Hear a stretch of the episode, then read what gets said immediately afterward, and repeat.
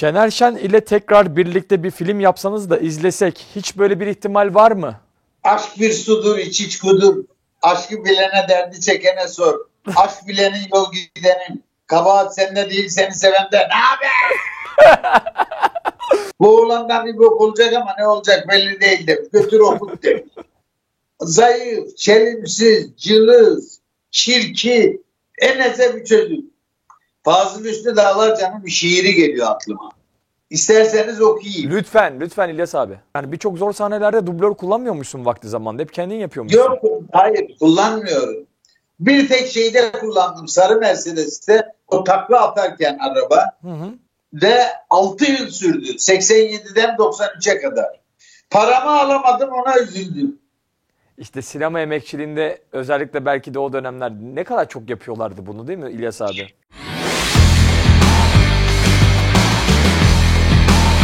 International Press News Agency Türkçe yayın programı Kopart'a hoş geldiniz. Bugün e, benim öğrencilik yıllarımda da çok özendiğim, çok örnek aldığım, hatta sınıf arkadaşlarımla çok örnek aldığımız bir usta var konuğum olarak. Kırmadı beni. Çok teşekkür ediyorum kendisine. İlyas Salman bizimle beraber. İlyas abi hoş geldin.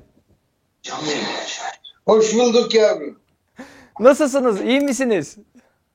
Valla ben her zaman bu soruya eee, daha önce Türkiye gibiyim diyordum. Ondan sonra Türkiye beter oldu. Türkiye'den daha iyiyim demeye başladım. Galiba hepimiz öyleyiz. Evet, kimin sayesinde beter, ol, beter olduğunu hepimiz biliyoruz çok şükür. Aa ben bilmiyorum kim acaba? Bilin bakalım kim? Söylemiyoruz, o kendini bilir. evet ya hiç sonra mahkeme dava falan çok zor oluyor öyle şeyler İlyas abi. Yani uğraştırıyor bizi. Hiç gerek yok. Valla beni çok uğraştırıyor, bilemiyorum. İlyas abi seni kim yıkabilir ya? Bu kadar zaman hangi iktidarlar gelmiş, kimler Hani neler yapmış? diyor ya hocam, vurun ulan vurun ben kolay ölmem. Ocakta küllenmiş gözüm, karnımda sözüm var burada. Üç, babam gözlerini verdi Urfa önünde. Üç de nazlı yiğit, üç nazlı selvi. Ömrüne doymamış üç dal parçası. Gerçekten şahane. Ya ustam 40 yılı geçti. Öksüz Mehmet'le başlayan bir oyunculuk hikayesi var önümüzde. 40 yılı geçti ki arkası artık 50 ödül yılı dolmuş. geçti. 300 Mehmet'i de işin içerisine katarsan. 50'ydi. Yarım asır geçti. Yarım asırı devirdik. Evet yarım asır geçti. Öksüz Mehmet olayını nereden biliyorsunuz? Öksüz Mehmet olayını e, gördüm daha önce. Başka bir e, röportajda da gördüm. Yani orada şey e, çok etkilendi. Hani e, ben orada öğretmene de çok hayran kaldım. Çünkü hani başrolü Öksüz Mehmet'i aramak için bayağı uğraşmış. Ve belki de oyunculuk yolculuğunu etkileyen en büyük şey o öğretmendi yani. Kesinlikle öyle. Şimdi istersen bir daha kısaca anlatayım olayı. Lütfen, lütfen, lütfen. Ben Malatya Arap bir ilçesi Semey köyü doğumluyum. Doğumumdan bir hafta sonra Malatya Arguvan'a taşınmışız Gecekondu köyüne. Orada okul yoktu. 7 yaşına geldik. 8-10 kilometre ileride uzakta başka bir köyde okul vardı. Biz oraya çarıkla, cizlevetle, boynumuzda bir kıl torba, içinde çökelek çomağa gidip geldik. İkinci sınıftayız. Öğretmenim babamı kasabaya giderken yolunu gezmiş demiş ki bu oğlandan bir bok olacak ama ne olacak belli değil demiş. Götür okut demiş. Malatya'da. Biz de taşındık Malatya'ya. İlkokula Melek Baba İlkokulu'nda başladım. Beşinci sınıfa geldik. Barakalarda okuyoruz. Amerika'nın verdiği barakalarda. Hani Amerika yoksul ülkeleri sünnet çocuğu gibi kucağına almak için Marshall Planı, Truman Doktrini adı altında bir yardım programı düzenliyor. Evet, evet. Evet. Bunları da mı yapmış? Bu konteynerları da. Hasan Doğan diye bir öğretmenimiz Öksüz Mehmet adı altında bir oyun yazmış, piyes yazmış. O zaman temsil diyorlardı. Bütün yan rolleri bulmuş ama Öksüz Mehmet'e benzeyen birini bulamamış. En son bizim sınıfa geldi. Ben de en arka sırada oturuyorum. Sınıfın en kısa boylusuyum. Baktı göremedi. Ayağa kalkın dedi. Ayağa kalkınca mucize olacak değil. Yine göremedi. Sırayla yanımdan geçin dedi. Geçiyoruz. En sondan dördüncü mü beşinci mi ne geçiyorum. Beni gördü. Bir dakika dur dedi. Bir baktı tepeden tırnağa. zayıf, çelimsiz, cılız, çirki, eneze bir çocuk. Dedi ki tamam dedi, malı buldum dedi. Öksüz Mehmet'i bana oynattım. Malatya Halk Eğitim'de oynadık. Okulların spor salonlarında oynadık. Köy meydanlarında oynadık. Alkışı gördüm, gözyaşını gördüm, kahkahayı gördüm. Dedim ki kendi kendime, sahnenin mikrobunu bir daha bir sefer yuttuk ya bir daha kurtulamayız. Dedim ki bu işin üniversitesi varsa okuyacağım dedim. O inatla geldim ta konservatuvara kadar. Ankara Devlet Tiyatrosu, Devlet Konservatuvarı tiyatro bölümünde yatılı okudum. Peki O benim yoluma. Ondan sonra işte bazı politik nedenlerden dolayı okuldan atıldım. Direkt devlet tiyatrosu istihdam ediyordu beni ama bu kafayla devletle anlaşamam dedim. Hırgür içerisinde kalırız. Geldim İstanbul Belediyesi Şehit Tiyatrosu'na girdim. Üsküdar Şehit Tiyatrosu'na. İlk oyunumla en iyi yardımcı erkek oyuncu ödülünü aldım. Avni Dilligil ödülünü. Ondan sonra hemen sinemaya başladım. Ondan sonrası malum.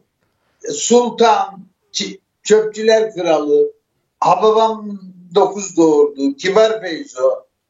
Sonra ilk başrol filmim Erkek Güzeli Sebil Bilo geldi. Ondan sonra arkası geldi devam etti. neler geldi neler geçti ya. Neler geldi Evet. neler geçti. Peki bir şey söyleyeceğim. E, sınava hazırlanırken bir de galiba hayatında yaptığın tek böyle küçük minik bir hırsızlık olayı da varmış galiba. Evet şimdi babam memur olmamı istiyordu. Devlet memuru olmamı. Çünkü o zaman devlet memurluğunun bir ağırlığı, bir statüsü vardı. Devlete sırtını dayadığın zaman evine et giriyordu, ekmek giriyordu. Geçim sıkıntısı çekmiyordun.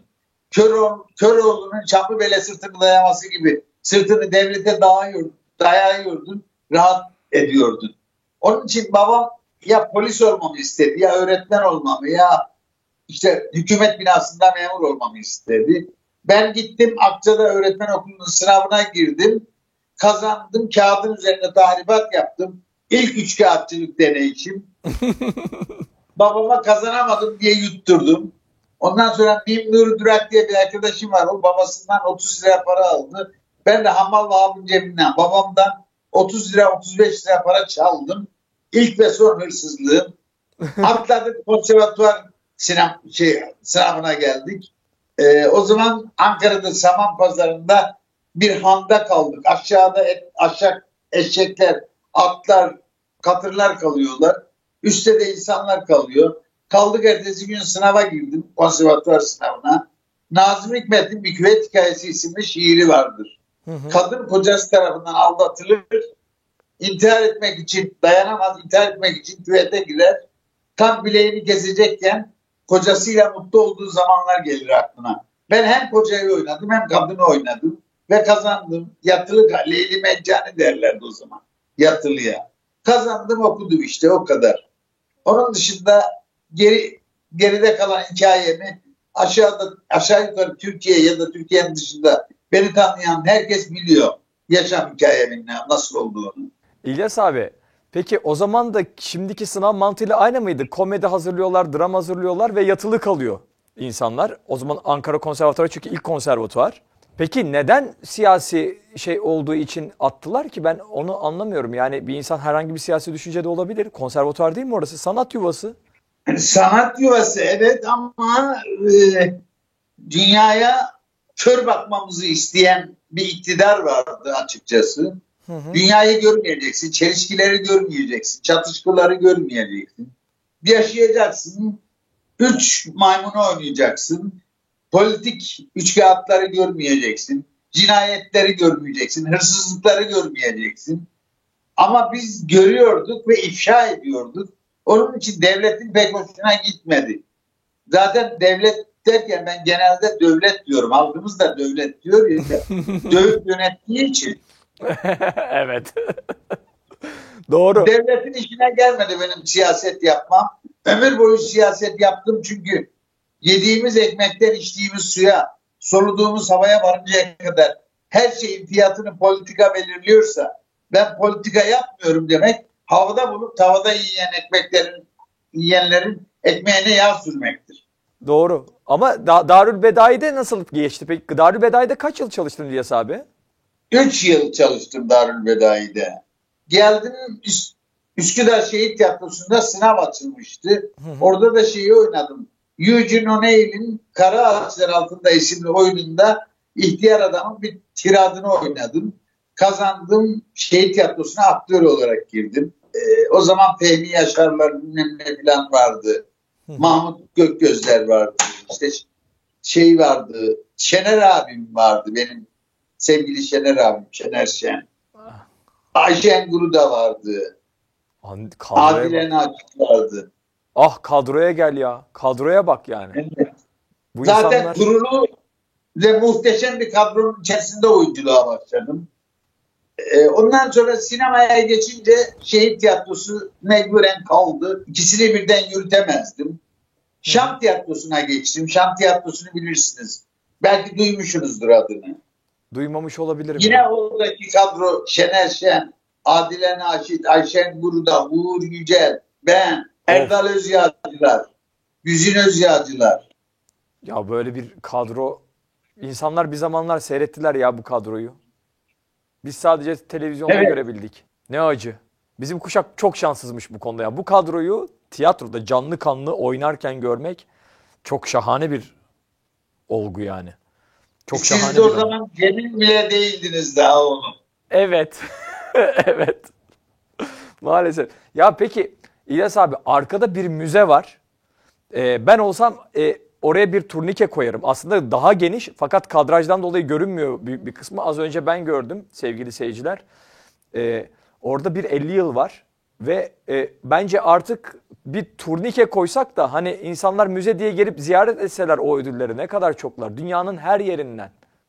Yani Moskova'dan, Venedik'ten, Avustralya'dan, Gürcistan'dan, Neler var. Türkiye'den, Maraş'tan Adana'ya, Adana'dan Antalya'ya varıncaya kadar, Ankara bir şey, kons- şey film festivaline varıncaya kadar hepsinden en iyi yardımcı erkek oyuncuları, en iyi erkek oyuncular bilmem ne falan ödüller aldım saymadım.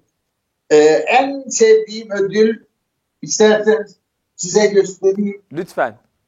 En sevdiğim ödül bu. O da Türk sinemasının 100. yılı. 2014'te başladı. 1914'te başladı Türkiye'de sinema. 2014'te sinemanın 100. yılı ödül töreni düzenlendi. 100 yılın en iyi 10 oyuncusundan birinin ödülünü aldım. O da bu. İlyas abi çok büyük bir şeref. Yani e, 100 yılın en büyük 10 oyuncu- oyuncusundan biri olmak. Bu arada İlyas abi siz bizim için yani bizim jenerasyondaki tiyatro öğrencileri için şöyle bir yerdeydiniz. E, komedi oynarken, dram oynarken İlyas Salman gibi duru ol. Hiç özellikle bir şey yapma. Onun kadar duru oyna bunu. Onun kadar özünü göster. Sadece kısmındaydınız İlyas abi.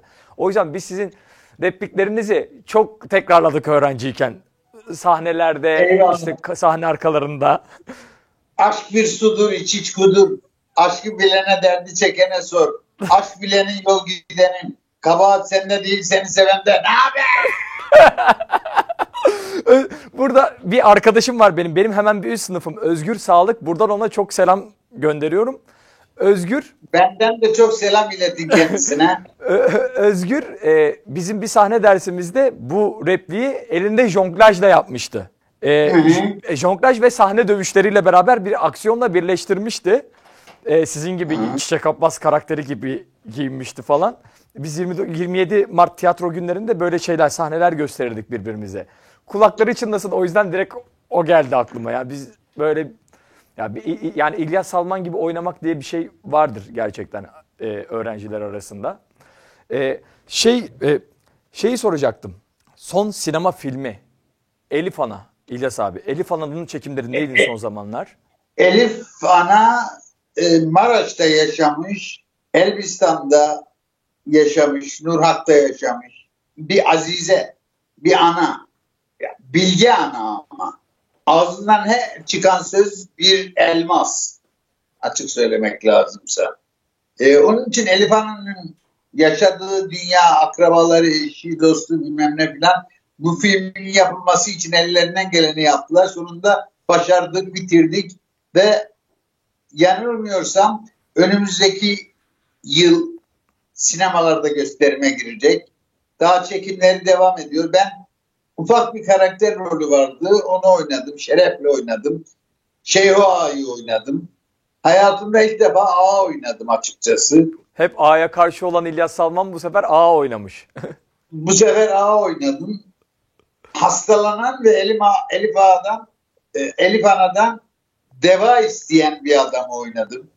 Aliye Uzan Atan mı oynadı e, Elif Ana'yı? Evet Ali Uzun Atan 45 yaşından 70 yaşına kadarki sürecini oynadı. Oo süper. Yani Aliye Hoca kesinlikle oynar. Onu da sahnede izlemek mükemmel bir şey. Yani onun Kesinlikle harikadır. Aliye ile ben 1975-76'da Üsküdar Şehit Tiyatrosu'nda beraberdik. Aa öyle mi? Tabii canım benim. Ya şey çok güzel şey biz de tabii ki çok seyrettik Darül Bedai'de Aliye Uzun Atan'ı. Mesela herkes aynı bahçede bir arkadina oynayışı vardı. Talihli Amele filmini seyreden var mı içinizde? Reklam Aa, evet. olarak. Evet çok çok, çok da güzel bir şey e, mü- mülkiyet ta- tartışması vardır o filmde. Benim elimden çıktıysa bu mal benim, benimdir. Yani sosyal Evet. dünya görüşünün sinemaya yansıtılmasıdır o. Çok şahaneydi. O yani çok şahane o inşaatta o şeylerin üzerine bunu ben yaptım. Benim elimden çıktı bu. Şimdi- çok şahaneydi. O o film gelince aklıma Fazıl Üstü Dağlar Canım bir şiiri geliyor aklıma. İsterseniz okuyayım. Lütfen lütfen İlyas abi. Kardeş, senin dediklerin yok. Halay çekilen toprak bu toprak değil. Çık hele Anadolu'ya. Kamyonlarla gel. Kanılarla gel gayrı. O kadar uzak değil. Çamı bitmiş. Kavağı azalmış. Gamla örtülü bayırlar çıplak değil. Yedi ay kıştan sonra yeşeren senin yaşamındır. Yaprak değil. Yersin içersin sofrasından 300 senedir.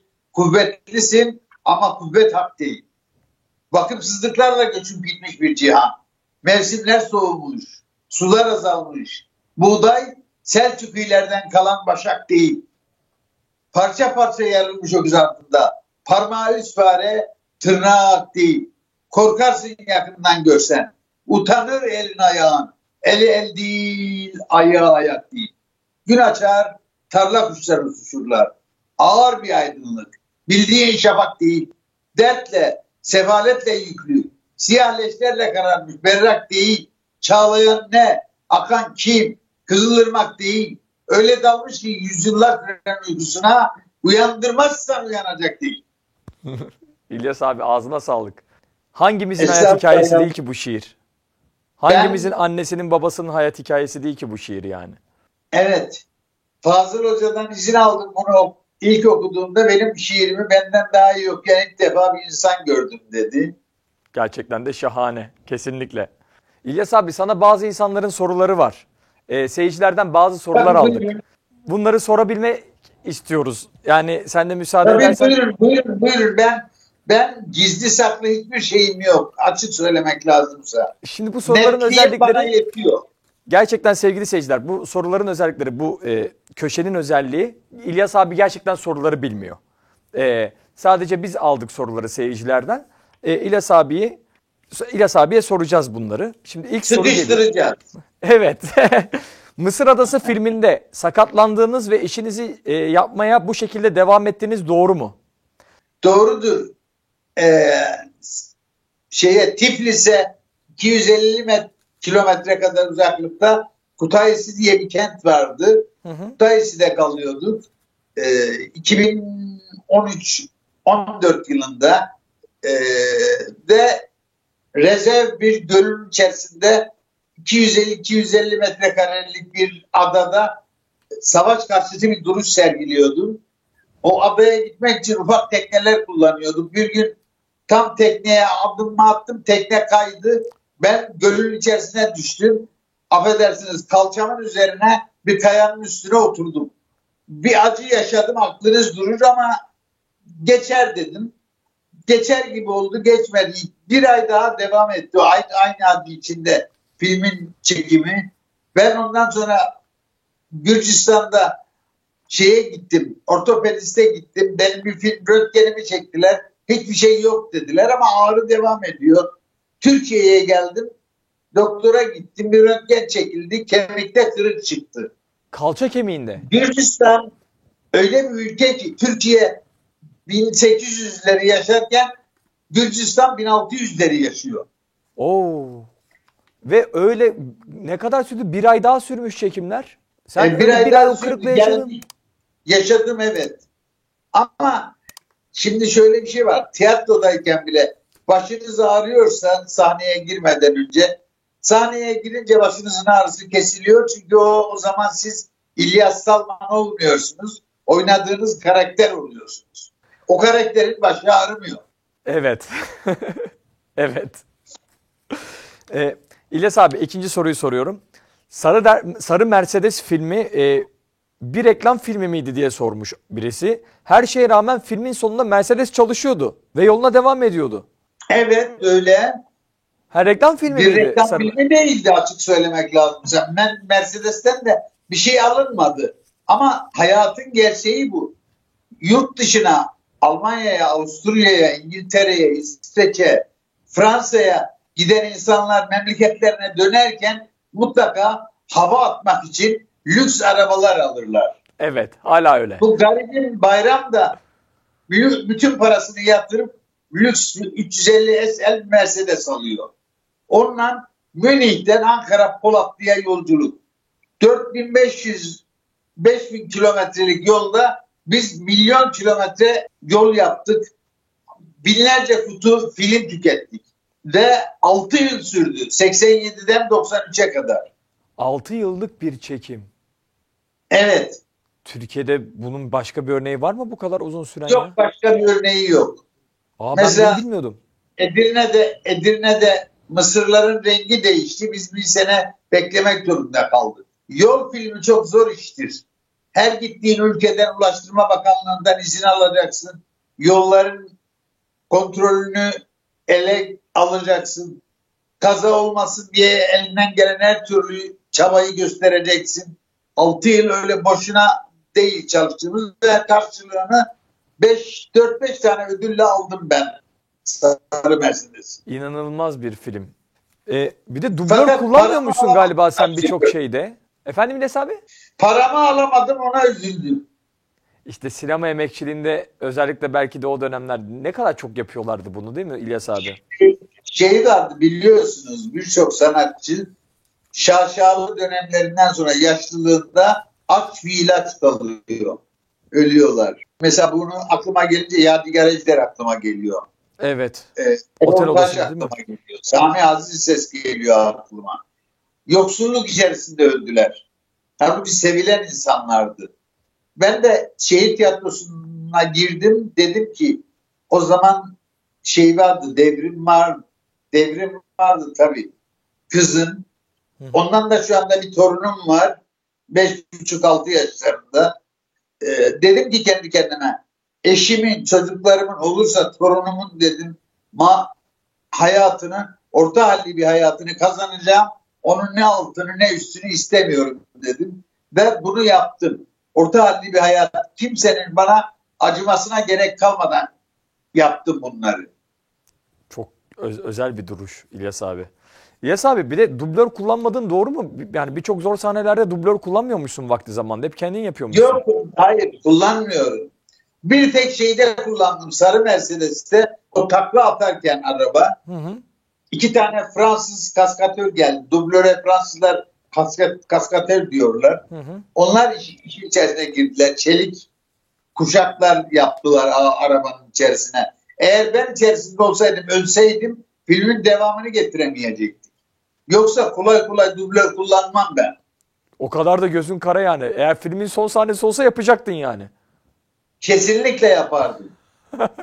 İnanılır gibi değil.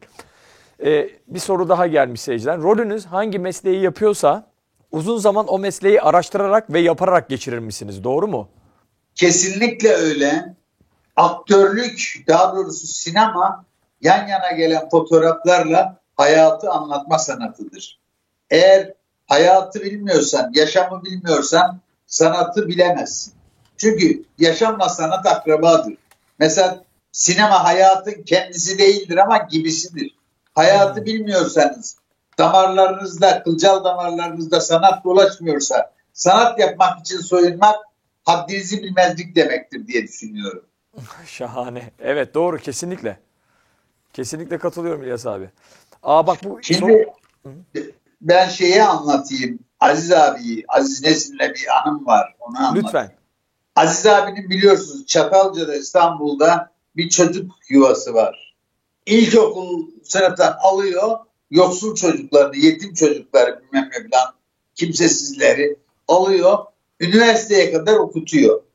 Ben de Aziz abinin bütün eserlerinde işte Hoşçakal Rovni'de oynadım, Toros Canavarı'nda oynadım, Çiçu'da oynadım bilmem ne falan. Aç. Her eser, Gol Kralı Sait Top Sait'te oynadım, Sait'te oynadım. Her eserini oynadığım zaman Çatalca'ya giderdim, Aziz abiye şeyi sorardım. Bu karakteri nasıl yarattı, ben nasıl oynayayım diye sorardım. O arada Çatalca halkı toplanırdı etrafımıza. Bir tarafta Güldüre Edebiyatı'nın en büyük ustası Aziz Nesin, Efraim Pişon'la birlikte dünyanın en büyük bize ustalarından biri. Bir tarafta da Türkiye'nin soytarısı İlyas Salman. Aa, estağfurullah. Ama ben şey hep söylemişimdir. Saraya dal kavuk olacağıma halka soytarı olurum. Doğru. Çatal Neler görüyor bu gözler?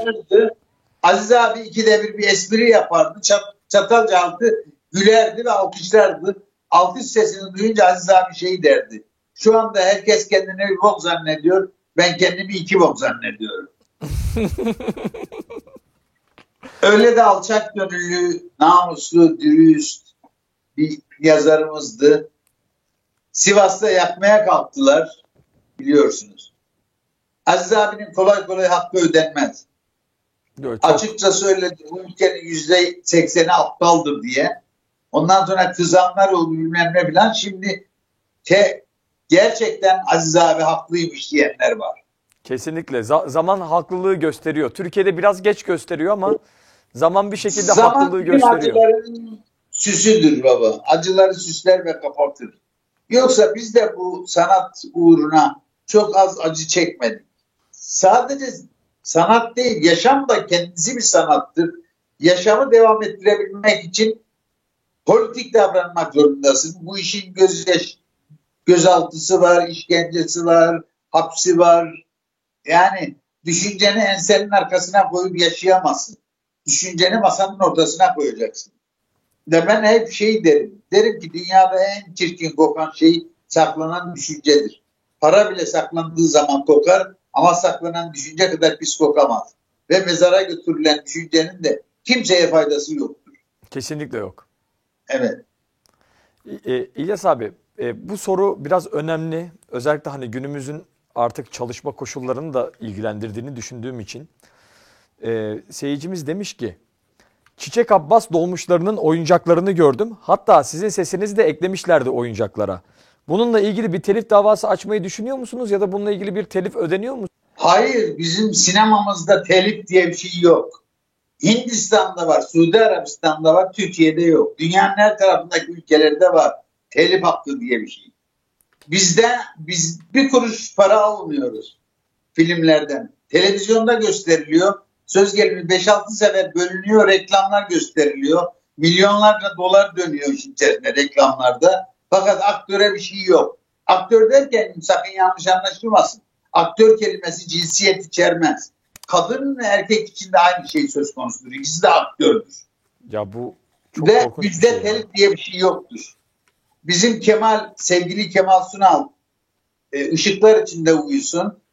O bir mahkemeye verdi ailesiyle birlikte. Gül, oğlu Ali mahkemeyi kazandılar. Ondan sonra tekrar mahkemeye geri döndü aksine karar verdi. Çünkü film şirketlerinin parasal gücü Kemal'in de benim de benim bizim oyuncuların da parasal gücünün çok üstünde. Her davanın bir hakimi var ve hakimin de bir fiyatı var. Doğru. Üçüncü Dünya ülkesinde böyle en azından. Şener Şen ile tekrar birlikte bir film yapsanız da izlesek hiç böyle bir ihtimal var mı? Görünürde diye sormuş bir seyircimiz de. Son Görünürde soru var olarak çok sıkıştırıyorlar. Şener abiyi razı edebilirsek o diyor ki ben diyor artık diyor kolay kolay film yapmam diyor. Ben yaşlandım diyor. Halbuki Şener abi benden daha genç bence. Ruhen de genç. Ben öyle bir, bir ihtimal görüyorum. Türk sinemasında Şener Şen, İlyas Salman ikilisi bir film daha yapacak. Bir Allah'a ısmarladık filmi olacak. Eyvallah filmi olacak. Hoşçakalın filmi olacak. Yani Hoşçakalın filmi olmasın tabii ki de temennimiz e, böyle bir film olsa ah tekrar izlesek çok şahane olur İlyas abi. Eyvallah. Aramayın beni başka yerlerde. Küllenmiş ocakta yatan kor benim. Pırlantadan taşan renk benim değil. Heybedeki sarı benim, mor benim. Benim değirmenin önündeki yük, benim şu karşıda görünen büyük. Zerreden küçüğüm, dağlardan büyük. Acı soğandaki incezar benim. Fukara çobanın işliğindeyim. Çocukların bayram harçlığındayım. Yörük kızlarının başlığındayım. Dağa taşa kurta kuşa yar benim. Ben posta çökelek pekmezde şıra. Ben gazı tükenmiş isli bir çıra. Tarlaya, toprağa, taşa, bayıra, alınlardan yere düşen ter benim. Ne yapsanız ne etseniz nafile, silmişim kavala, mızrava tele. İster kader değil isterse çila, efkar benim, çetin benim, kavga benim, zor benim. İlyas abi son kez söylemek istediğin bir şey var mı? Ha, söylemek istediğim şu, hakkında açılmış birkaç tane fake hesap var. Yalanlar söylüyorlar, hakaretler ediyorlar halka, küfürler savuruyorlar, tehdit ediyorlar bilmem ne filan. Benim Instagram'da ve Twitter'da iki şeyim var. Et İlyas Salman SM, YouTube'da da ailece kullandığımız bir hesabımız var. Salmanlar, kızım, eşim, oğlum ve ben kullanıyoruz Salmanları.